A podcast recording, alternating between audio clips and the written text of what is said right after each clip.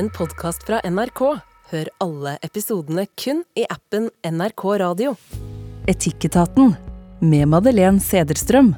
Velkommen til Etikketaten, der vi skal inn i landskapet av moralske dilemmaer og etiske spørsmål. Og reisen denne gangen tar oss helt ifrån den ytre rymden til det nære og kjære. Til eksempel, hvordan og når kan du avslutte et vennskap? Reisefølget i dag, programleder i NRK, Selma Ibrahim, mattelærer Hanan Abdelrahman og leder ved Institutt for filosofi og religionsvitenskap ved NTNU i Trondheim, Heine Holmen. Nu, kära panel, skal vi ut i det ytterste rommet, tenkte jeg. Vi tenkte vi starter der. Og for å sette litt stemning så skal vi få høre en lyd. Det här är en eh, rekonstruktion kan man säga utav lyden av lyset i universet. Hvis man översätter lyset i universet till lyd, då låter det så här.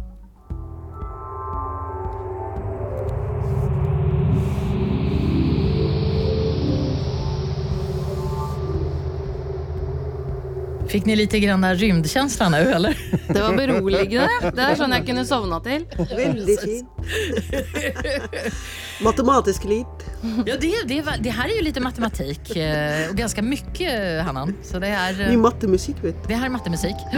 Det här, då har man översatt varje st- ljusstråle, alltså all, alla frekvenserna till lyd och så blev det så här.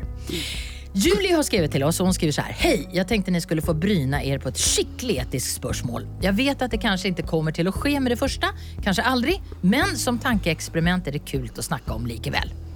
Hvis vi skulle få besøk eller kontakt med en fremmed sivilisasjon fra en annen planet, hva må vi gjøre da, og hva borde vi gjøre? I USA så har man jo klare militære planer. En fremmed sivilisasjon skal vite at vi kan forsvare oss. Og i filmenes verden så møter vi nesten alltid aliens med våpen. Og de fremmede de er nesten alltid fiendtlige. Men Ska vi verkligen möta dem så här? Vilka grundläggande värdier bör vi ha med oss när vi snackar med aliens? Ja, eh, skal vi... Skal vi börja? Det er, så, det er så absurd, men samtidig så kan det jo faktisk være vi står i den situasjonen på et eller annet tidspunkt. You never know. Liksom. Nei. Nei, Och så, jeg tänkte faktiskt att skulle begynne med, for at FN, det, det gikk et rykte, det var ikke sant, men det gikk et rykte om at FN skulle utse ett menneske og liksom representere menneskeheten. Så møte aliens. Og da tenkte jeg skulle spørre er, eh, har ni en sån kandidat? Vem kunde ni tänka er skulle vara den första till att møte aliens? Oi.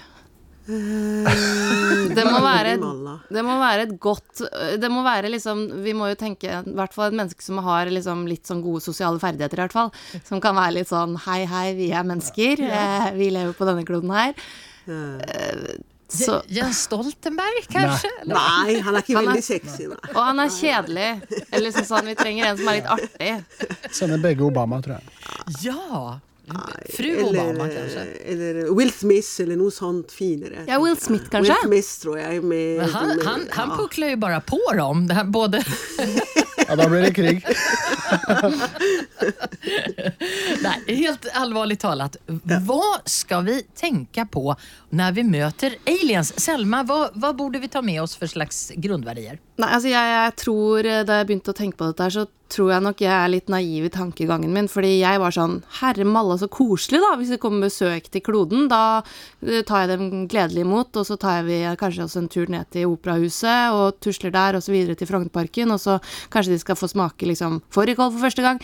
Eh, men så tenkte jeg sånn Det er jo også en ganske stor sannsynlighet for at aliens på en måte er kommet for å ta over. For da, hvis de har funnet oss, så må jo de være lenger fram i tid, tenker jeg. Sånn at da er det plutselig sånn Tenk om de faktisk skal ta over. Så jeg tror jeg hadde møtt de med en sånn eh, ydmykhet, men samtidig vært forberedt på OK, vi må bare passe på at ingen tar over dette her. Fordi hvis vi hadde funnet en annen planet, så ser jeg ikke Da føler jeg at de lederne i verden hadde vært sånn Dette tar vi over. Så når denne planeten vi bor på nå går ut på dato, så tar vi over denne som vi har funnet. Sånn at eh, jeg hadde ønsket de velkommen, men vært hyggelig.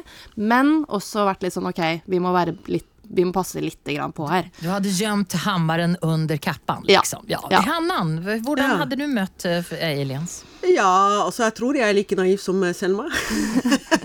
eh, og så er jeg egypter i tillegg, eh, i bunn og grunn, så jeg hadde sikkert invitert dem hjem og laget egyptisk mat og blitt kjent og veldig nysgjerrig. Hvordan går det med familien din? Og, hvordan eh, Og så liksom invitert og åpnet huset mitt og sånn.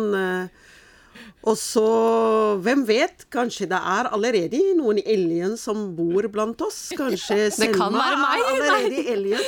Kanskje Heidi, kanskje du? Ja, det, det er jo mange som tror det i alle fall. Heine, hvilke verdier må vi ta med oss når vi skal møte noe så fremmed som eh, som en alien? Um, altså Varsomhet tror jeg vel først, først og fremst. Eh, jeg, jeg vet ikke om jeg hadde invitert de direkte hjem, da, annet enn at jeg ville vært veldig nysgjerrig på hva slags filosofer de hadde, og etikere og sånn, selvfølgelig. Så det hadde vært veldig interessant å snakke med dem. Nei, altså Mest sannsynlig, hvis vi møter noe som er fra ytre rom, så er det mest sannsynlig ganske primitivt liv, da, først og fremst. Eh, Bakterier og encellede ting kommer de ikke hit. Da, hvis de kommer Ja. på besøk? Ja, Da kommer vi dit, og da har vi like, like lite etiske forpliktelser overfor encellede organismer som jeg har når jeg puster eller eh, tørker støv i vinduskarmen. ikke sant? Okay, ja. Men hvis vi møter en sivilisasjon, da er vi over på noe annet. ja. For da snakker vi om sannsynligvis noen som er eh, individer. Kanskje de til og med kan dø, ikke sant? og det gjør at vi har visse etiske forpliktelser, fordi vi skal ikke bare ta livet av ting som kan dø. Eh, sånn helt uten videre. Og kanskje de har en bevissthet som gjør at de har en form for egenverdi i den, altså egenverdi i det at de eksisterer. Potteplanter kaster jeg ut. Ja. Jeg tror ikke de har en egenverdi, de har en verdi for meg. Men eh, eh, levende ting som har en bevissthet, der har du ofte en etisk grense. da. Som Ja. gjør at mange f.eks. ikke spiser dyr eller ikke spiser fisk. eh, Og at vi har menneskerettigheter fordi vi har en form for bevissthet som er avansert. da. Mm. Og, og, og, så, om de kan kjenne smerte, va? Smerte er også relevant, for det er gjerne en kategori som du bør spørre om kan det kjenne smerte. For da kan du ikke gjøre hva som helst med det Nei. individet fordi det sant, vi nettopp vil lide. Men om vi, om vi tenker oss at vi får en besøk av en sivilisasjon som er så avansert at den har tatt seg hit. Ja. er är de jo med all sannsynlighet eh, betrakta som det som man kallar för moralske subjekt. Va? Är det inte? Eh, Vi Da- må da- ge dem noen slags Ja, fordi. Hvis de klarer å komme seg helt dit, da har de teknologi, da har de tankeferdigheter, da har de mest sannsynlig et språk som gjør at vi kan Det første vi bør jobbe med, er å oversette, sånn at vi kan faktisk kommunisere med dem. Og da er vi over i å forhandle, og de er etiske subjekter med en egenverdi. Og da har vi faktisk, tenker jeg da, som en sånn moralsk subjekt, så har vi en grense for hva vi kan gjøre med dem. Da får vi ikke lov å gjøre. Da kan vi ikke bomba dem med atombomber. Men vi kan bomba dem om de kommer hit og skal bombe oss. Selv, selvforsvar er Det må vi få lov Det kan vi gjøre her òg. Ja. Og så, ja, men, eh, men jeg tenker, eh, som Selma og Heine er inne på, altså jeg ser for meg kanskje, i hvert fall faget mitt, da, matematikk, at de har kommet lengre, da, og de kan lære av dem, og det hadde vært veldig kult, da, om det er andre mennesker som har skjønt og sett mer kunstig intelligens, teknologi, andre ting som kan hjelpe oss til å komme oss videre da, i de problemene vi har i dag på jorda. Men det kommer an på hva de ønsker fra oss, hva slags moralske verdier de har, hva slags etiske verdier de har. da. Om de er her bare for å bli kvitt oss og, og liksom øh, øh, vinne mer terreng, eller om de er her for å bli venner og samarbeide. Så det kommer an på hva slags ting. Og det, vi ser ikke bort fra at vi kanskje har spioner allerede da, som forbereder for det besøket. Så dere må være obs, dere. Men spørsmålet er jo også hvordan de Kanskje på ser ut. NTNU, kanskje på NRK. You never know. ja, ja, det, alltså, det, om vi ska hålla oss i mattens världen eh, nu, eh, Hannan, så, så Ja. finns det ju någonting som heter Drakes equation. Ja. Eller Drakes ekvation. Och den är, säger noe om hvor sannsynlig det er at det finnes fremmede, avanserte sivilisasjoner mm. ute i verdensrymden. Og den har da kommet fram til att det finns så mycket som 12 500 avanserte sivilisasjoner Ja. bare i Melkeveien. Ja, ikke sant? Og sånne tanker som det her. Jeg har hørt om denne mm, formelen. Jeg har hørt også om formelen som regner hvor glad jeg er i, i verden og sånn. Som eh, lykke, som regner lykke og sånn. Og det er veldig spennende med sånne tanker, da. Men eh, om man får falsifisert, da, eller får bevist at det virkelig stemmer, det er noe annet. Ja, det gjør Fordi det. en ting er å finne en formel, og en annen ting er å bevise at den formelen stemmer for alle mulige tilfeller, da. Så det kan hende ikke helt sant til syvende og sist. Men for at det man lurer på om det finnes så mye som 12 500 avanserte sivilisasjoner bare i Melkeveien, så hvorfor har vi ikke hørt noe ifrån dem? Ja, Ja, sant? har vi ikke sett dem? Ja, ja. Ja, de kanskje gjemmer sig. Ja, det, ikke se bort fra det. Og som sagt, eh, det vi sanser, vi mennesker det, Altså, Vi er ikke helt sikre på at det vi sanser, er det eneste som fins. Det kan hende at det er ting vi ikke sanser og ikke ser og ikke føler, da, som fins, men som eh, sansene våre ikke kan sanse. da. Det är, det, som är, det, är, det, är, det är där gränserna för naturvetenskap och, och metafysik kommer. Men eh, Heine, eh, en utav, det, det finns på flera ställen faktiskt, man har eh, eh, några etiska råd. Man har satt upp det i SETI till exempel, Search for Extraterrestrial Intelligence. Så har man ett, ett råd som har utarbetat regler för hur man ska möta Ja. aliens. Och det, det går mycket ut på det här med att man ska eh, avvakta och se och försöka vara vänlig. Men det som de är mest rädda för det är att de här eh, civilisationerna ska ta kontakt med ett land och så ska det landet behålla all information. Så att de tar aliens-teknologin og så slår de alle andre. Ja, ja, for vi er oss selv like, ikke sant. Just det. Så det var det vi ville gjort. Ja. USA er vel i første rekka der, tenker jeg, av, av maktpolitiske hensyn også. De vil ikke være land nummer to som blir besøkt. Det var voldsom konkurranse med Sovjetunionen i sin tid, f.eks. Og nå er det sikkert den samme konkurransen med Kina om å være det første landet som blir, blir både ambassadøren på vegne av jorda og, og tar kontakt. Og vi ville selvfølgelig, vi mennesker er mennesker, vi ville benytte oss av det. Jeg har sett nok av X-Files til å vite at vi ville gjort det. Og da, og da ta, ta den teknologien som de har og så bli bedre enn alle andre. Ja, for det er jo en gyllen mulighet til å plukke opp den teknologien. Hvor avanserte de er, og ta den i bruk eh, til sine egne smålige hensyn. Og det, vi mennesker har jo vist rent historisk at vi stort sett er smålige, og så av og til samler vi oss og gjør gode ting. Så den første regelen, vet ni hva det är? I, som CT och, och FN och de har kommit överens om? Det är öppenhetsregeln. Vi ska inte hålla det hemligt. Ja. Ja, det har, er jo bra, da. Det tror jeg vi sliter med allerede. ja. Før den starter. den regelen er der av en grunn. Kära dere, tack snälla för detta besöket i yttre rymden. Nu återvänder vi till jorden igen. Var ganska kul tycker jag. Jeg får eksistensiell krise av dette her. Ja, Jeg, ja, ja, altså, jeg blir helt sånn Helland dusten, hva er det vi er? Hva, hva skjer med verden? Hva er det vi holder på med? Ja.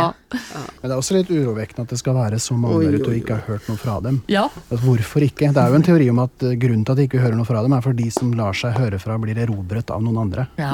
Så det er jo litt sånn skummelt det der, at det er så taust der ute. Men det är ju lite grann samma sak som om Jesus, det sägs ju att Jesus ska komma tillbaka, men hade han kommit tillbaka så hade han ju omedelbart blivit lagd till på ett mentalsjukhus Ja, ja. och inlåst. Så at, så at Kanskje Han har kommet flere ganger allerede. det kanskje, det kanskje, I have tried. Er, er ofte, ofte, flere? Jesus, ofte flere Jesus, på en avdeling. Ja, absolut. Det, Så, så, og, og da kan man bare tenke seg om det kommer noen som sier jeg, kom, jeg, kommer från, jag alien, jeg kommer från yttre verdensrym. Ja, right. Ja, men tenk alle de stakkarene. Det er jo mange man hører om som sier at de har sett ditten og datten, og da ender man jo opp med bare ja, ja, og så ler man av de, og så er det en bonde i USA som har sett et eller annet, og du bare ja, ja, ja. Tenk om det viser seg at de alltid har hatt rett. At de var ikke litt sånn eh, ro- dumme bonder som bare eh, var litt sånn konspiratoriske. De var faktisk prøvde å si noe. Ja, hva vet vi? Hva vet vi? Ja? Da skal vi se. Nå återvender vi til jorden. Etikettaten idag med programleder i NRK Selma Ibrahim, mattelærer Hanan Abdelrahman og filosof Heine Holmen. Vi öppnar ju ofta för att våra etiketatdeltagare kan ta med sig ett etiskt dilemma till panelet. Och Selma, nu det är din tur. Ja. Du vill prata om vänskap och inte minst eh, det här med att eh, avsluta ett vänskap. Fortell lite grann vad du vill prata om. Nei, jeg føler at det er veldig ofte Eller det er jo eh, en, eh, en saying at på en måte Hvis du f.eks. er i et kjærlighetsforhold, og du ikke vil være i det lenger, så må du jo ta det opp, og du må si at eh, jeg velger å avslutte forholdet, jeg slår opp. Mens med vennskap så føler jeg det egentlig ikke er satt noe standard eller regler på hvordan man skal Hvis man vil, da, avslutte et vennskap. Eh, noen fader jo bare ut, at man på en måte bare lar eh, vennskapet skli ut. Du bare kommer med unnskyld, unnskyldninger gang på gang med at ikke det passer, eller at ikke du kan. Men så er det jo også noen som velger å på en måte eh, faktisk slå opp eh, med vennen sin ved å si sånn Jeg føler kanskje ikke at vi passer sammen lenger eh, som venner. Det føler jeg skjer veldig, veldig sjeldent. Men har man egentlig en plikt til å si ifra, avslutte vennskap, eller er det innafor å på en måte bare fade ut? ut. Ja. Ja. Hannan, du har også fundert mye på det her. Ja. Og jeg eh, Ikke for lenge siden, egentlig, brant meg skikkelig på akkurat eh, det du snakker om, eh, Selma. Fordi jeg syns det å fede ut, uten faktisk å forklare hvordan man feder ut, da, det er jævlig vondt. Og jeg hadde håpet denne personen var tøff nok og egentlig respekterte det vennskapet og sa, vet du hva, det passer ikke lenger at vi er venner. Jeg hadde levd helt greit med denne forklaringen enn å bare at noen sklir bare ut av livet mitt uten å forklare hvorfor de gjør som de gjør. Mm. det gjør vondt. det gjør vondt. Ja, og det, vet du hva, jeg sitter her og jeg kjenner at tårene nesten presser på, fordi jeg vet ikke til nå egentlig hvorfor denne personen har fedet ut av livet mitt, og det gjør jævlig vondt også. Heine, du har jo Eh, alltså Platon prater jo om vennskapet som noe ekstremt viktig. Ja. Hva, vad- vad, menar, mener filosofene er verdien i vennskapet? Hva, og hva bygger det på? Ja, Det kommer helt an på hvem du spør, men det er, sånn, det er en slags egenverdi i det. For du gjør det ikke for å få til noe annet. Altså En ekte venn har du ikke bare for å fremme deg selv på jobben eller bli en bedre eh, enten konkurranserytter eller altså et eller annet sånt. Det er ikke noe instrumentelt bak et ekte vennskap. Eller altså Du har den type vennskap også, du har kollegiale vennskap, men et ekte vennskap det har på en måte en egenverdi, bare det å være sammen. Trenger ikke gjøre noe spesifikt sammen. Du trenger ikke få utretta noe som, med en venn. Det er liksom en egenverdi bare å ha dem. Eh, Så det er, det er litt det som ligger i etikken her, da. Og da, når man skal avslutte et vennskap, kan Ja. man Och, och, Selma pratade om at det, det gjør man på et annet sett enn på et kjærlighetsforhold. Ja, det er noen forskjeller her, tenker jeg. da, for det, Normalt så dør vennskap ut ved at de fader ut litt sånn eh, av seg selv, enten man flytter til hvert sitt sted eller sånn. Men det, så er det klart det er de der gråsonene, da, for det med, det med å avslutte et vennskap Til forskjell fra et kjærlighetsforhold. Jeg vil si Det er to veldig store forskjeller der. Et kjærlighetsforhold kan være basert på at den andre er en god person og fin, og sånn, men det er en sånn gnist der som du er litt sånn ufrivillig overfor. Blir den borte, så hender det at man avslutter kjærlighetsforhold, selv om man tenker at den andre er fortsatt er en fantastisk person. Det å avslutte et vennskap, derimot, da har du på en måte implisitt sagt at du er ikke engang bra nok til å være min venn. Det, det er derfor det smerter så vondt. Det, det, det er en mye mye kraftigere avvisning eh, vil jeg si, enn å miste kanskje et kjærlighetsforhold. Selv om det også er vondt, så kan du på en måte leve videre. Du er i hvert fall du på en måte kan stå som en god person etterpå. Vi bare hadde ikke gnisten lenger. ikke sant? Men bør man med andre ord ta samtalet också som venn, Eller? Ja, det vil si, det er det som er det vanskelige. For jeg, jeg som sagt, eh, ikke for å navngi noen, men jeg har hatt en sånn samtale en gang da jeg var veldig ung. Eh, hvor jeg da var den som slo opp med en venn. Og det, det, det var tungt og vondt, og det kom ikke noe godt ut av det. Så det gjør jeg aldri igjen. Så, så nu, feider du ut helt enkelt? Ja, Sannsynligvis et feil valg i utgangspunktet. Så hvis den vennen hører noe, så tilgi meg. Det, det var feil. Men, eh, men, eh, men i utgangspunktet, måten å gjøre det på, det var Det er en veldig sånn tøff Du får en ganske kraftigere beskjed altså, hvis du blir slått opp med det her sånn eksplisitt. Selma og Hannan, ni, Ja. ni har jo da Eh, dels har du haft erfaring, erfaring av det her du, Hannan. Men, men Selma, hva, vad, eh, har du, eh, hvis du vil prate med Hannan om det her, hva er det du lurer på? Nei, jeg lurer på, for eh, nå står jeg i en situasjon hvor eh, jeg er i et vennskap som jeg føler går mest én vei. Og så er det sånn uh, Jeg skulle ønske at Fordi i, hvis man slår opp med kjæresten sin, så er det veldig mange sånn det er veldig mange ting man har hørt hva man skal si fra før. Som eksempel 'jeg føler at vi ikke passer sammen, vi har vokst fra hverandre', eller eh, 'jeg er eh, Det er ikke meg, det er deg'. Skjønner du? Mens det er ingen som har snakket om hvordan man i så fall hvordan man skal si det. Fordi jeg føler ikke at det alltid er en god nok grunn. Og så ja, jeg kunne jo bare på en måte møtt denne personen eh, noen ganger her og der, men, men da på en måte Da setter jeg mine egne behov til side, da, og så eh, får jeg dårlig samvittighet hver gang jeg avslår. Og det er ofte, ikke sant. Og da blir jeg sånn, ok, enten så burde jeg ta, ta det opp, men jeg aner ikke hvordan jeg skal si det. Hvordan skal man slå opp med en venn? Hvordan, hva skal man si, liksom? Det er det jeg lurer på da, i så fall. Eh, På en fin måte, uten at det, det skal bli skikkelig s- dårlig gjort, på en Ja, måte. fordi det er akkurat den Ja. situasjonen jeg sto Ja. i, egentlig. Det ligner veldig på det jeg sto i. Og det jeg valgte å gjøre, er eh, rett og slett å være Fordi det gikk over nesten et år, og som du sier, det var bare ensidig. Det var jeg som brydde meg, det Mm. var jeg som gratulerte, det var jeg som passet på. Og liksom når jeg fikk den ene lille responsen da, en gang iblant, Mm. det var nok for å holde liv i det vennskapet, og det skjønte jeg etter hvert var dumt, at jeg holdt mine behov til side da. Mm. Så det jeg gjorde rett og slett, jeg tenkte nei, nå tar jeg tak i dette, uh, avslutter det hele med verdighet, ta det opp sånn voksent og ordentlig. Eh, Jeg skjønner veldig godt at uh, du er en opptatt person, men jeg har faktisk mine behov, jeg òg. Det er en grunn at vi er venner. Og det kan ikke være gå en vei. Og det, og det kan hende at denne personen kanskje ikke er moden nok, da, som deg, og begynner å forsvare seg. Jo, nei, du misoppfatter meg, jeg er opptatt, osv. Eller det kan hende at denne personen faktisk erkjenner at vet du hva, du har rett. da. Så det kan gå den veien at eh, denne, det vennskapet blir avsluttet. Eller at du faktisk eh, er ærlig om dine behov, og det blir bedre. Så det kan gå begge veier, da, Ja. tenker jeg. Veldig bra! Eh, Selma, fikk du litt Ja, jeg følte det. Ehm, jeg er ikke helt sikker på hvordan jeg skal håndtere den der ene siste vennen her, men, eh, men uh, vi møtes sikkert om et år igjen, så skal jeg fortelle hvordan det har gått. Du kan bare ringe oss, eh, Heine og jeg. Ja, Heine og Hanna.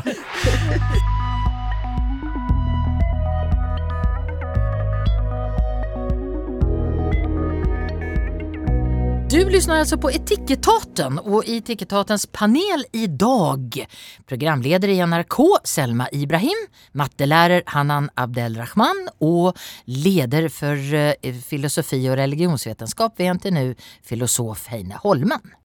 De flesta arbetsplatser har ett sätt med etiska rättningslinjer och regler som det är förväntat att de ansatte följer.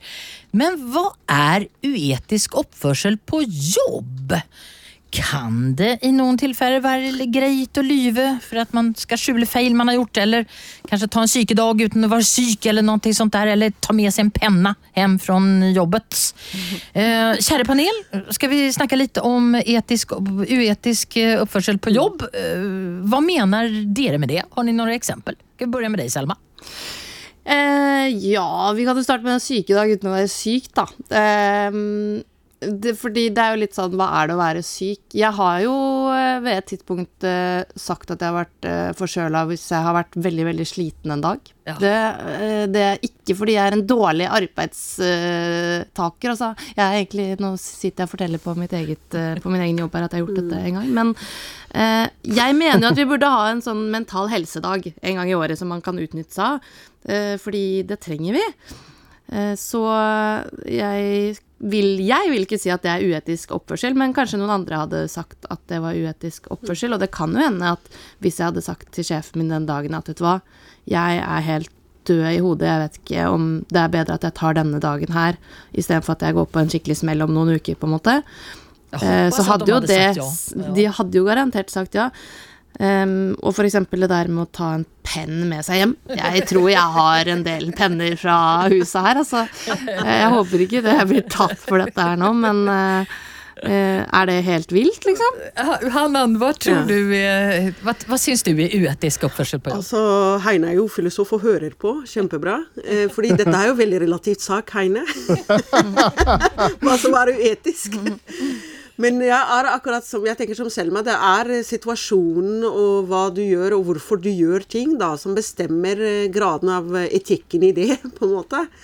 Jeg tenker noen ganger er jeg kanskje veldig nede psykisk, kanskje. Jeg vil eh, best å være hjemme enn å gå på jobben og gjøre dårlig jobb, eller være negativ energi for kollegene mine, da. Og det, der tenker jeg nesten Og kanskje jeg har ikke lyst til å fortelle en A4 til sjefen min om hva jeg føler og sånn.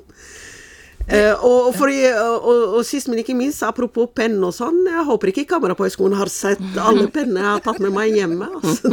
Da, da har jeg fått sparken allerede. Eh, Heine, Ja.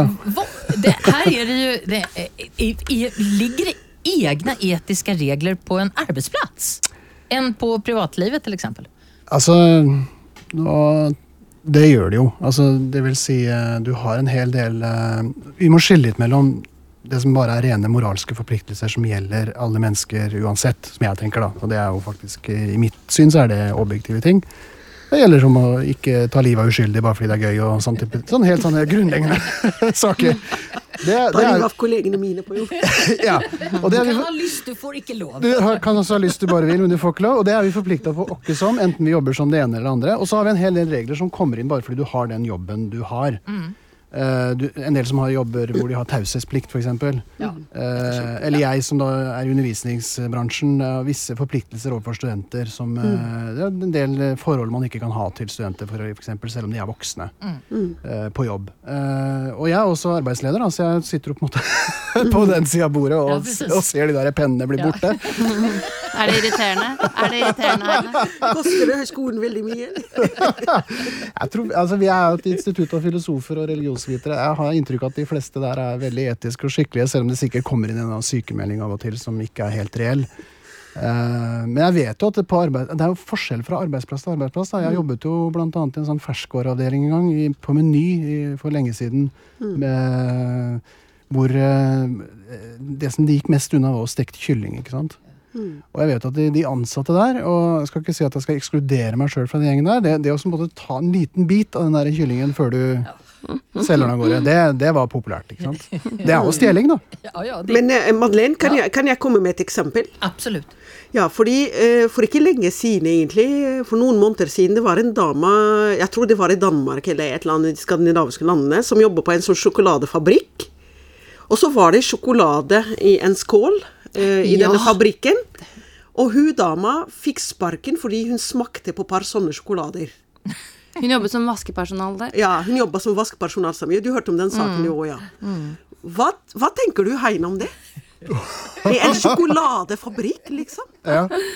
Fikk sparken fordi hun ble sett på kamera, ble observert, at hun stjal et par sånne sjokolader fra skålen. Dette er smålig. Det må det vara. Og, det, og det er der det blir fort blir relativistisk. Og derfor vi vet jo Ja. at eh, de som kanskje stjeler og svindler til seg best ting på jobb, det er jo kanskje mellomledere og arbeidsledere Nettopp. og de som kan spille og, slipper, og vet hvor kameraet står, ikke sant? og vet hvordan man skal tuske disse ting på en litt annen måte. Så det høres urimelig ut. Men samtidig, det er jo noe med den tilliten da, som, som Madeleine snakka om, som skal være på en arbeidsplass. Det er, jo, det er jo kjempeviktig at man får beskjed om hva som blir feil, særlig hvis man er på en risikabel arbeidsplass hvor ting, eh, andre avhenger av at du gjør ting riktig, f.eks. Da er det jo katastrofe hvis ikke du sier fra. Det kan, kan gå utover eh, andre uskyldige. Er, er det en av forskjellene mellom eh, etisk oppførsel på jobb og etisk oppførsel hemma?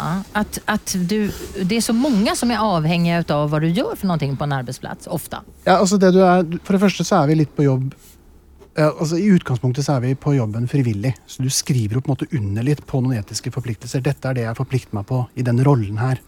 Jeg har masse forpliktelser som instituttleder som jeg har skrevet meg under på. De har ikke jeg med meg hjem. Jeg har ikke dem overfor eh, for, for vanlige folk. eller, eller, eller familien min hjemme. Så, så der er det en forskjell. og Den er ofte strengere, blant annet med taushetsplikt. Jeg har ikke taushetsplikt overfor samboeren min. Så- Selv om vi har en sånn fortrolighet.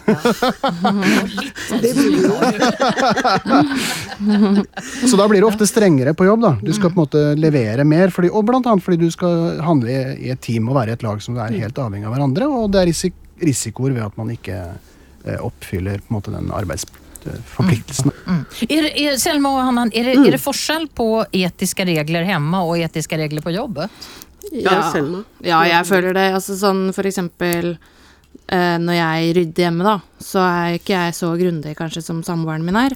Fordi jeg er ja, ikke så grundig. um, eh, og da er det jo sånn at ja, så kan jeg si til han når han kommer hjem at ja, jeg har rydda jeg vaska her, jeg.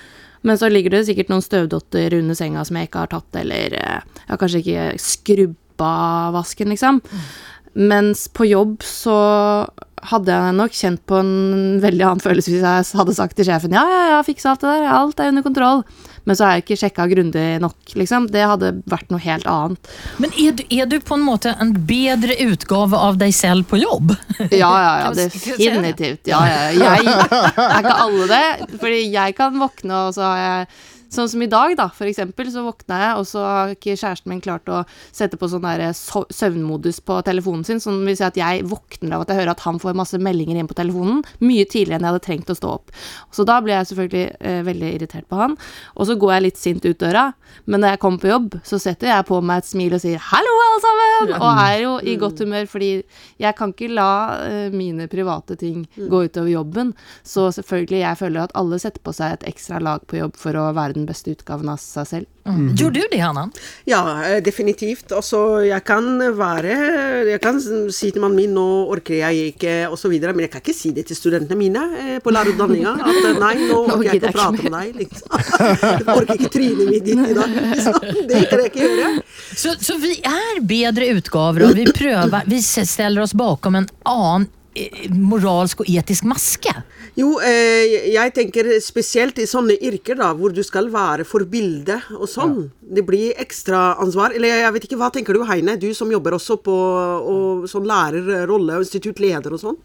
Ja, Du har en helt annen forpliktelse som rolle, rollemodell. Eh, Jeg merker det nå som jeg er personalleder, f.eks. At da har jeg 55 ansatte, eh, litt pluss-minus, som jeg har et personalansvar overfor.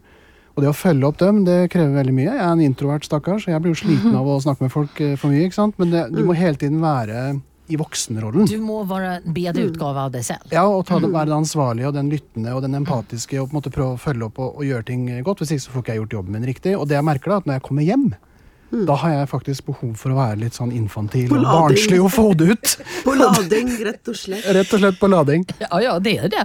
Men, men eh, man har spurt 1600 brittiske arbeidsledere Ja. hva de mener er uetisk oppførsel. Og det der med å stjele småting eller ta en sykedag, det kommer ganske langt ned på listan. Ja. For det som de syns, det er ta snarveier, lyve for å skjule at man har gjort noe feil, Ja. og baksnakke kolleger. ja. Hva, det, er spørsmålet. Eh, Er det verre å baksnakke kolleger enn å baksnakke venner, Heine? Nei, jeg vil, vil si det er lett. Det er vel verre å baksnakke venner. Men eh, det er klart hvis du er eh, opptatt av at en arbeidsplass skal fungere godt, og arbeidsmiljø og sånn, så er det baksnakking er jo en ukultur som fort kan utvikle seg og gjøre arbeidsplassen veldig dårlig. Ved at man hele tiden opplever at man kanskje det skjer ting bak ryggen på en, og man blir utrygg og man mister tillit og sånn. Men samtidig så nå er jeg litt pragmatisk i forhold til dette. Jeg tenker at det, litt stim må jo folk få lov til å få ut. Jeg er jo da som sagt arbeidsleder, så jeg vet jo det at det, de må jo på et eller annet vis omtale det jeg gjør, eller De må regner jeg med. snakke litt skit om deg. Ja, så Av og til så skal ikke jeg være med på lønningspils. Sant? For det, det kan være helt greit at de gjør det alene og få, få ut litt stim, og det tror jeg er bra for alle sammen. Men innenfor visse grenser. Ja. Ikke sant? Selma, er det, er det forskjell å, å prate skit om kolleger og prate skit om venner? Ja, men jeg vet ikke helt hvorfor. Altså, jeg husker da jeg eh, begynte å jobbe rett etter videregående, så fikk jeg litt sånn Og det er ikke NRK, men eh, da fikk jeg litt sjokk fordi jeg trodde at Og da var jeg jo ung, da, så sikkert litt naiv. Men jeg ble så sjokkert over at på en måte eh, selv om man er voksen, så er man fortsatt Jeg tenkte nå skal jeg jobbe med voksne, og nå skal jeg på en måte Nå kommer jeg inn i denne voksne verden hvor ting ikke er sånn på videregående, men eh, så opplevde jeg jo at det er jo egentlig ofte ganske likt, da. Eller mennesker er jo mennesker, på en måte. Når du, det er litt samme øyeblikk som du skjønner at uh, moren og faren din er vanlige mennesker, ikke bare moren og faren din, liksom. Den eh, realization der, på en måte. Og da um, husker jeg at jeg tenkte at det var veldig rart. At uh, vi er jo voksne, hvorfor Jeg skjønte ikke helt den oppførselen som mange kan ha fordi man er mennesker, og, og man blir jo irritert på kollegaer, og man kan irritere seg over at ah, nå sluntrer du unna, eller ting som du føler at Eller noen tar skryt for egentlig det arbeidet som du gjorde. Eh, så det er jo ting som jeg selvfølgelig, og jeg tipper alle har noen kollegaer som tenker ah, nå er du irriterende, og som du har lyst til å snakke eh, om. Men eh, jeg eh, snakker mye til kjæresten min, da, istedenfor å gå til liksom alle andre kollegaer, for jeg føler at det, det som Heine egentlig sier, at det skaper jo bare et veldig usunt eh, eh, arbeidsmiljø, men at eh, kanskje man skal finne en man kan snakke med som ikke er en del av det miljøet, hvis man trenger å lufte seg. Eller personallederen sin, da. Det går jo også.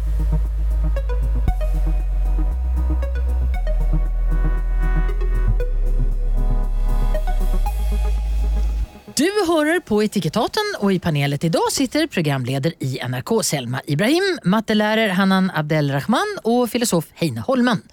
Og vi skal snakke om verdien av å tilgi noen som har gjort noe vondt.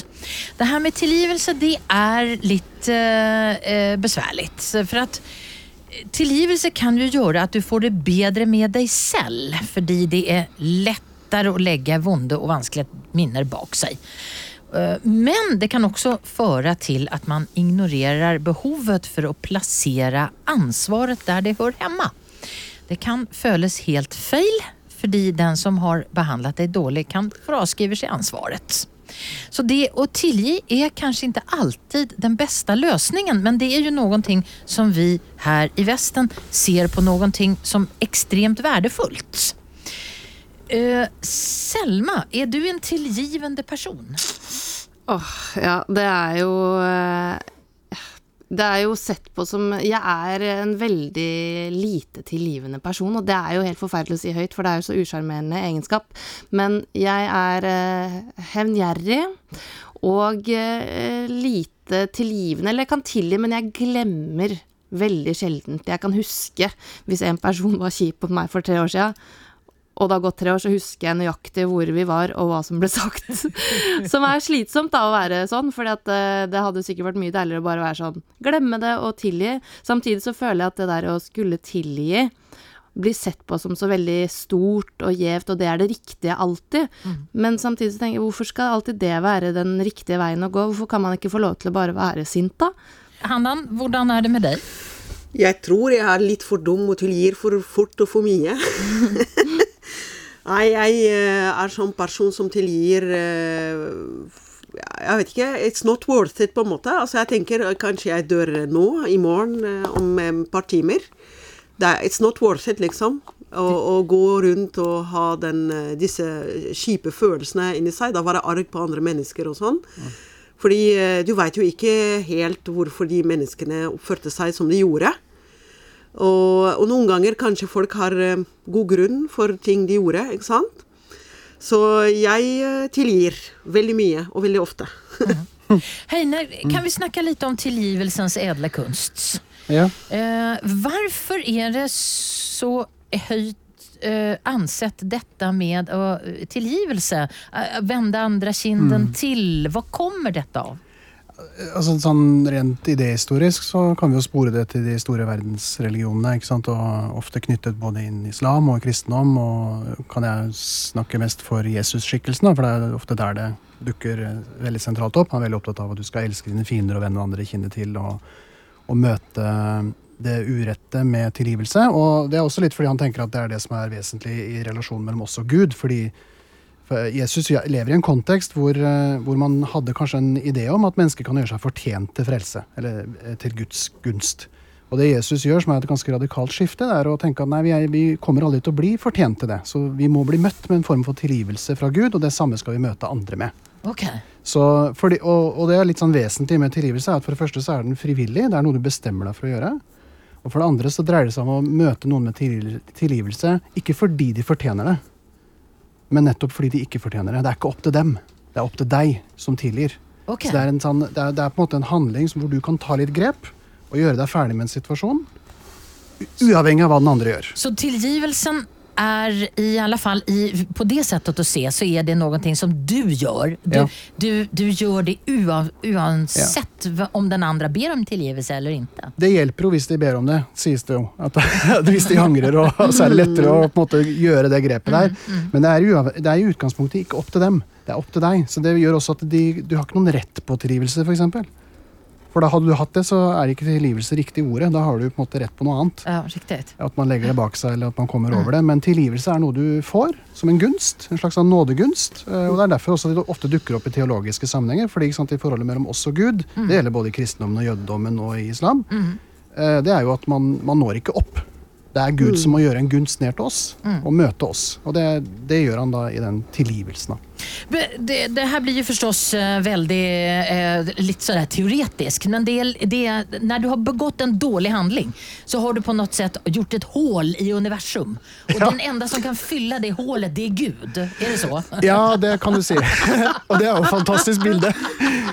Et univers fullt av hull som Gud kan fylle. Men, men det, er sånn, det har vært veldig mye fokus på det rent sånn psykologiske med dette her i det siste. at vi lever i en litt mer eh, sekularisert tid.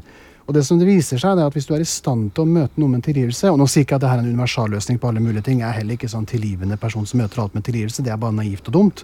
Men hvis du klarer å gjøre det overfor noen situasjoner, så klarer du å legge det bak deg. Fordi da blir du på en måte frigjort fra det overgrepet som har skjedd. For da har du tatt en stilling for deg sjøl, fritt, og lagt det bak deg. Det er noe du har klart å gjøre. Men det er ikke sikkert du får det til. da. Men, men hvis man gjør det, da kommer jo den andre ganske lett undan. Ja. Tilgir. Nej, alltså, ja, precis. Den, den andra får ju, du blir ju fri från ansvar då på ett sätt. Ja, det er det som irriterer meg. Nei, men eh, det, det er ikke sikkert egentlig, altså. Ikke? Eh, Jeg, jeg syns faktisk at eh, når du gjør det for deg selv, da, Ja. eh, for å ha den friheten som Heine snakket om, Mm. og rett og slett ta ansvar for din egen lykke, for å si det sånn. Det er det det handler om. Men, denne personen som gjør noe eh, dumt, det, jeg tror ikke den slipper med ansvaret, aldri slipper med ansvaret, egentlig, altså. Nei, men hvordan skal man få, eh, ta ansvar da, om man, om man blir, bare blir tilgitt hele tiden? Men, uh, Jesus sier noe veldig interessant akkurat om det der med tilgivelse. Og det er at uh, hvis du gjør det, hvis du møter en arg fiende med tilgivelse, så skal du se at du lager glødende kull på toppen av hodene deres. Fordi det er så frustrerende å bli møtt på en, på en sånn måte. Så det er ikke sikkert at den du tilgir, får så mye godt ut av det. Det er det ene siden av det. Den andre siden av det er at jeg, jeg, jeg ser ikke nødvendigvis sammenheng mellom at du, du tilgir og at det ansvaret er vekk. Du har fortsatt gjort det du har gjort. Helt enig med deg, Heine. Så den, Helt enig med deg. den blir der, og du, du trenger ikke glemme det heller. ikke sant? Nei. Nei. Det vil jo være der, som en, enten at du tenker på det at det gjør vondt osv. Men det du velger å gjøre med tilgivelse, det er at du, du på en måte slår litt strek over det regnskapet. At du tenker at det her skal ikke jeg drive og bringe mot deg igjen. Vi er ferdige nå, vi har gjort opp. på en måte. Jeg, jeg slår nå strek over regnskapet og kommer ikke til å ta det opp eh, med deg igjen. Men kan man ikke da bli veldig bitter? Jag tänker på det Jo. Eh, Selma, därför att det, du, du, du, du sa någonting om att, att du glömmer inte. Så Nei, det det. Har man tillit tilgitt hvis man ikke har glemt det? Eller hvis man på en måte Fordi at jeg kan jo ja, Det er jo mange ganger jeg har tilgitt. Det er ikke sånn at det er alle som har gjort meg vondt, er eh, min bitre fiende fremdeles. Eh, Men, men da lurer jeg på Fordi at det som jeg syns er frustrerende med det der å tilgi, er at eh, det blir til at jeg ikke da, som du sier, Heine, kan ta det opp på nytt fordi at jeg har tilgitt, men jeg har ikke glemt. Som vil si at da blir det jo bare jeg som går og bærer på det aleine, hvis du skjønner? Ja. ja, det ser jeg, og det er- er derfor jeg tenker at man må vurdere litt om tilgivelse er riktig. Jeg tror det er en hel del situasjoner hvor det er bare feil å ta det i bruk, men jeg tror også det er en del situasjoner som Det beste jeg kan komme på, er litt sånne svære ting. Sånn, som f.eks. at man hadde en eh, forsoningskommisjon hvor man jobbet med tilgivelse i, etter apartheidstyret i Sør-Afrika. Man prøvde å gjøre opp for en lang historikk. som Du ikke kan, du kan ikke gå inn og fikse alle de tingene der med, med domstolene, fordi historikken var så dyp. Så da gikk man inn i en prosess hvor man på en måte hadde som eh, mål å komme til en slags forsoning og tilgivelse og komme seg videre. Men er det forskjell på det, Forsoning og tillgivelse? Eh, ja, tilgivelse er som Ja. sagt en akt. Mm. Forsoning er på en måte mer en, eh, en gruppeting. Da blir man enige sammen. Så, men tilgivelsen den står du for helt alene. Jeg kan tilgi noen som eh, ikke tar det imot. For den står jeg for Men helt alene. försoning, det kreves to parter. Det kreves to parter, og det gjøres ofte kanskje helt utenfor tilgivelse. Og du kan jo ha forsoning ved at du betaler en bot. Men Hanna, Ja. har du gått og burit videre selv om du har tillgitt? Som sagt, jeg tilgir fort, jeg glemmer fort også. Dessverre den dårligste kombinasjonen, og jeg tror faktisk, eh, som Hva, Heine varför- sa i stad. Hvorfor sier du at det er dårlig? ja, fordi, fordi det er faktisk et egenskap som er oppfattet som man, man er svak og sånn. Men, men jeg tenker fra, min ståsted, fra mitt ståsted at det å tilgi, det krever mot og, og, og sterk vilje, egentlig. For det er kjempevanskelig å, å kjempe mot seg selv, og, og det å være sint, da. Det er det, er det jeg syns er vanskelig. Men eh, sosialt sett, i samfunnet vårt, folk som tilgir og er snille og sånn, det, det er ikke noe som er positivt eh, oppfattet, dessverre. Og det, man kan på en måte tenke ja, ja, men hun er Ja, det, vi tar ikke hensyn til henne. Det er, hun tilgir fort, ikke sant? Det kan være den retningen òg. Jeg er litt uenig med han om det, for jeg føler at de Men kanskje fordi jeg ikke er sånn selv, da, men jeg tenker på de som klarer å tilgi og glemme, at det er veldig sånn det er, At det er sett på som egentlig veldig positivt, at du er et på en måte menneske som har eh, alt det mentale på plass og har fred i sjela og, og Den som er är mer moralsk og Ja, etisk, eller? ja. Eh, mens en person som er bitter eller ikke klarer å tilgi, at den, sånn som meg, da, blir sett på mer som en sånn eh, s- Litt sånn stakkarslig og litt sånn eh, en- Ja, hvordan skal En dårligere, et dårligere menneske, rett og slett, da, enn de som klarer å tilgi og glemme og vet du hva, dette, vet du hva, det går bra. Så, ja, precis. För att ni har ganska två väldigt olika uppfattningar om hur hvordan man ser på folk som tilgir. Heine, du är den tredje parten Det där. kommer der som Få høre svaret, Heine. Ja, få fasit nå. Jeg vet ikke hva det finnes noe svar her, men eh, jeg tror det er veldig individuelt. Men, eh, men jeg, er etterpå, jeg har begynt å tenke på Det er, eh, det er jo filosofer som er uenige med tilgivelse. Så Nietzsche for eksempel, var rasende på den der tilgivelsesetikken som vi hadde i Vesten. Han så på det som en sånn slavemoral, kalte han det. Det er på en måte den svakes moral, fordi det eneste de kan gjøre, er jo ikke å ta tilbake eller å, å kjempe sin rett eller liksom gjenopprette balansen. Det eneste du kan gjøre, er på en måte å tilgi. Det er på en måte den fattiges, eh, eller den svakes eh, handling, da, mente han. Så det er veldig uenighet om det her er et etisk verktøy i det hele tatt. Og jeg er enig om at det kan virkelig skade hvis det blir sånn default, og du tenker at det er et ideal og en universalløsning eh, på alt, det tenker jeg blir helt feil. For det, det er for det første ikke lett, og det er ikke nødvendigvis riktig i alle situasjoner heller. Og du skal i hvert fall ikke sitte igjen etterpå så være den som tidligere som sitter igjen med både skyld og skam og, og skaden. Da. da tenker jeg det er feil kontekst å, å tilgi. Men, men jeg syns man skal ikke eh, på en måte undervurdere den det religiøse synet på det, egentlig. Hvis noen kanskje er religiøs da, og tror på det Jesus sier og Mohammed sier og alle profetene sier og sånn, jeg tror det påvirker deres syn på det. da. At Ja. eh, det å tilgi, og, og det er en dyd på en måte da, som man tror på så man, man kan ikke undervurdere det synet på tilgivelse. Den er viktig. Både å tilgi seg sjøl og tilgi andre.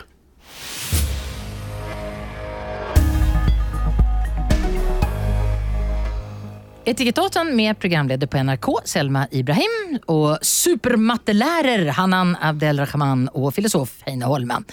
Kjære panel, nå skal vi snakke om verdien av å lese bøker. Fordi leseferdigheten til de norske 15-åringene har falt kraftig siden 2018. Eh, Nivået har tydligen aldri vært lavere. Forskningen viser også at vi leser færre bøker, både skjønnlitterære og faglitterære böcker. Men har vi en slags plikt til å lese de lange bøkene? Kan vi ikke bare se filmen, eller eh, se på YouTube eh, stedet? Uh, Hanan, vær så god. Ja, altså det er ingenting som eh, erstatter det å lese, må jeg innrømme for min del, og for mine studenters del og elevenes del, da.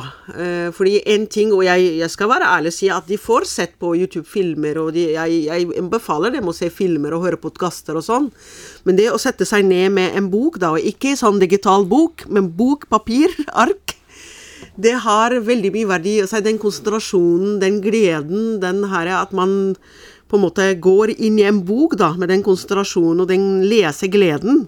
Vi ser jo hvordan studentene våre sliter nå. Eh, med pensumartikler og med konsentrasjon og de tekstene de skriver, ikke minst. Når de svarer på ulike eleveringer og sånn på høyskolen.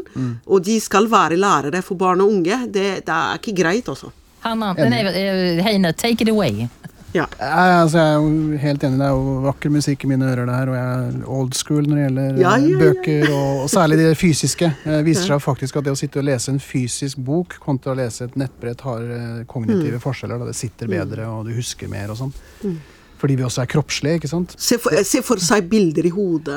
Ja, det er det som er så fint, fordi i motsetning til en video eller en film, så lager du alle de bildene helt selv. ikke Du får det lettvint. Du får ikke dopamin-rush så fort som du får det Ja. på film. Og, Og du får ikke det ferdigservert, så du må lage et bilde av skurken selv. Må du må jobbe. lage et bilde av helten selv. Og det vil si at hver og en av oss som sitter med en bok, vi lager jo et eget lite kreativt univers.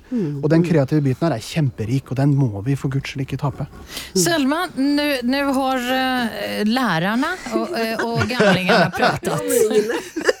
Så kommer eleven inn her og skal ødelegge. Uh, ditt forhold til bøker? Nei, jeg har jo eh, jeg, Nå er det jo litt skummelt å si dette etter man har hørt eh, hva disse to andre har sagt, da, men så ikke drep meg, alt jeg på å si. Men jeg er jo en som leser veldig sjeldent. Jeg hører veldig mye på lydbok og podkaster og sånne ting. Og i podkast, eller på lydbok eksempel, så må man jo lage seg egne bilder der også. Um, det har en trist historie fra Jeg gikk eh, jo på videregående, og da ble vi tvunget til å lese Tvunget, du hører jo hva jeg sier. Uh, da måtte vi lese uh, Mammaen min er også lærer, så hun kommer ikke til å like dette her. Men uh, da måtte vi lese 'Sult' av Knut Hamsun. å, den er fin! Ja, den er jo det. Eh, men den boken har jeg jo båret med stolthet resten av livet av at jeg hadde lest. Så jeg blander jo jeg, I hver eneste eh, sammenheng jeg kan få nevnt at jeg har lest 'Sult' av Knut Hamsun. Og bare ja, og ja, han spiste jo ikke, vet du, på mange dager. Det er jo eh, Da føler jeg meg veldig, veldig smart. Men det er jo den eneste gangen jeg kan føle meg smart når det kommer til det at hvis man snakker om bøker, fordi jeg føler jo at det er veldig sagt uh, utad at på en måte hvis du leser eh, mye bøker, så blir du sett på som smart og intellektuell. Men hvis jeg sier til noen at ja, jeg hørte tre lydboker eh, denne uka, jeg, så tenker de bare ah, ja. Hadde du litt å gjøre, eller? Men hvis jeg sier å, jeg leste tre bøker, så oi, tre bøker på en uke. Det er bra. Og så må jeg bare spørre, eh, at eh, du er jo representant for veldig, veldig, veldig mange unge nu som ikke läser texter. De, de lyssnar på eh, lydböcker eller, de, eller podcast eller ser Youtube-videon eller filmen. Eh, och det, menar ni då, både Heine och Hanna, att de blir de dummare? Eller vad, vad är det som sker? Vad är det, alltså, vad är det de missar? Det skal ikke jeg si at du, du blir dummere. I hvert fall ikke, Nei, nei, nei. ikke, ikke, ikke på radio, i hvert fall. Sier det etterpå. ja. Send meg melding. Du har blitt dummere. Nei, det er, det er utrolig mange måter å gjøre ting på for et menneske. Det er det som er, Sånn som med lydbøker er jo et fantastisk eh, tilbud. Og, vi, og de fleste bøker, eh, altså boktradisjonen i, i, i, verden, stammer jo ofte fra muntlige overleveringer først, som så blir skrevet ned. Altså 'Tusen en natt' er jo en fantastisk eventyrsamling, men det var først og fremst muntlig. Homer, akkurat det samme. så det, vil, det er jo ikke det at det skjer noe magisk i det øyeblikket du skriver det ned i en bok at det blir noe helt annet budskap. Så det å høre en muntlig overlevering kan være vel så rik det som det å lese en bok. Men jeg er litt engstelig for den der, eh, det å få ting veldig ferdig eh, fordøyd gjennom eh, eksempelvis YouTube eller film eller video, hvor, hvor man gjør en del forenklinger. Man gjør en del grep for å liksom eh, både et kort, eh, eh, kutte ned på fortolkningsrommet og, og kompleksiteten for deg. Og ting blir veldig kjapt. Og da mister man en kompleksitet som jeg tror man har veldig godt av overfor seg selv. Man gjør ikke noe galt på å gjøre dette her, men man gjør seg selv en bjørnetjeneste. Hanna, du, du utbilder jo lærere. Ja. som da har börjat å lese mye mindre på, i böcker.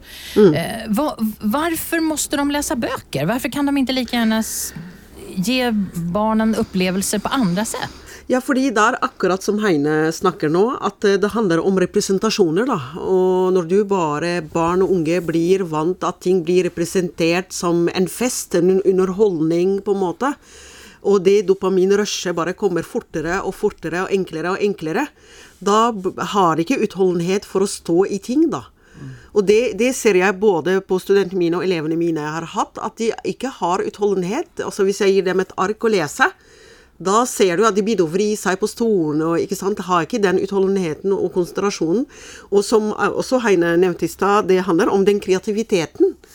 At eh, når du leser en bok, så må du faktisk jobbe da, for å se for deg de stedene og de fargene og de luktene. Og, ikke sant? Men, men Hanna, var det ikke sånn at, at elevene vred seg på stolene på 80-tallet og 50-tallet også, når de fikk noe å lese? Jo, jo, de gjorde det der òg. Og jeg gjorde det, jeg òg, som elev. Men jeg hadde litt mer utholdenhet enn ungene i dag, da. Som vil bare scrolle etter bilder eller etter videoer på YouTube. Det er veldig fort gjort at man bare scroller, ikke sant. Og hvis man ikke liker, så går man til neste video. På en måte det neste bilde eller neste klipp. Men i en bok for å komme inn i verdenen til en bok, da, så du må faktisk stå det litt. Og det kan hende at boken begynner kjedelig eller treigt, eller ikke sant. Men du må stå i det for å komme til poenget, ikke sant. Og ha den utholdenheten. Og hjernen din jobber febrilsk da, for å skape mening med den boka. Hva kommer dette av? Alltså, jeg, jeg tänker så här. Vi, boktryckarkonsten kom på 1600-talet. Vi, De flesta var analfabeter till 1900-talet i, och är fortfarande analfabeter. Vi har, vi har levt som jägarsamlare i, i 90 000 år utan att skriva ett eneste tegn. Tjatar vi för mycket om det där med det skrivna? Är, det, är, det, är vi på väg tillbaka till, till den muntliga traditionen? Att, att, Kanskje. Alltså, sånn eh, Jeg føler i hvert fall at uh, det jeg håper, det jeg tenker er viktig, uansett om det blir at vi leser bøker eller uh, underholder oss med andre ting, er at vi klarer å jeg, Det med den der konsentrasjonen, fordi jeg tror at det gjør oss ganske syke etter hvert, det samfunnet vi lever i, hvor, hvor uh, vi konstant skal underholde oss. Altså sånn, jeg begynte å tenke på sånn, når er det jeg bare er i mine egne tanker, for eksempel. Jeg hører på podkast på vei til jobb, og så kommer jeg til jobb, og da er jeg med andre, eller så leser jeg, eller så jobber jeg, og jeg hører på podkast når jeg skal sovne. Eh, når er det man har tid til å liksom kjede seg litt? Men jeg tror det kommer til å snu, bare det med at folk kjøper seg gamle telefoner, og eh, på middagen med venner nå, så legger man bort telefonen. Eh, folk er blitt mer bevisst på dette her. Og, og det er mange av mine venner som har begynt å ta opp boka igjen eh, i en alder av 27-28, fordi at vi lengter etter et eller annet som eh, er veldig borte i en sånn kaotisk hverdag som vi lever i akkurat nå, da. Og jeg tror at den indre sjela vår trenger mer ro enn det vi gir den nå. Hannan, låter dette bra? Ja, dette her i hvert fall gir håp eh, for fremtiden. Fordi eh, de resultatene til eh, norske elever nå i PISA er ganske alvorlige. Mm. til å være Norge og de ressursene vi har, og noe må vi gjøre. Ja, da får vi vel kanskje ta oss hjem og fundere på om vi skal lese bøker, og i så fall vilka. Det är dags att avsluta härifrån Etikettaten. Tusen hjärtligt tack, kära lytter. Vi har tagit resan hem igen efter besök i yttre rymden och kanske till och med med några nya synsvinklar på oss som bor här på den här lilla blåa klinkekulan och om hvordan vi kan leva samman. Reiseföljet idag har varit programledare i NRK, Selma Ibrahim, mattelærer Hanan Abdelrahman och leder vid Institut för filosofi och religionsvetenskap vid NTNU i Trondheim, Heine Holman. Om du går in på appen NRK Radio så kan du höra alla episoder av Etikettaten och väldigt mycket annat kul. Reseledarna den här gången har varit Hege Strömsnäs, Sigrid Gjellan och jag heter Madeleine Cederström. Du har hørt en podkast fra NRK. Hør alle episodene kun i appen NRK Radio.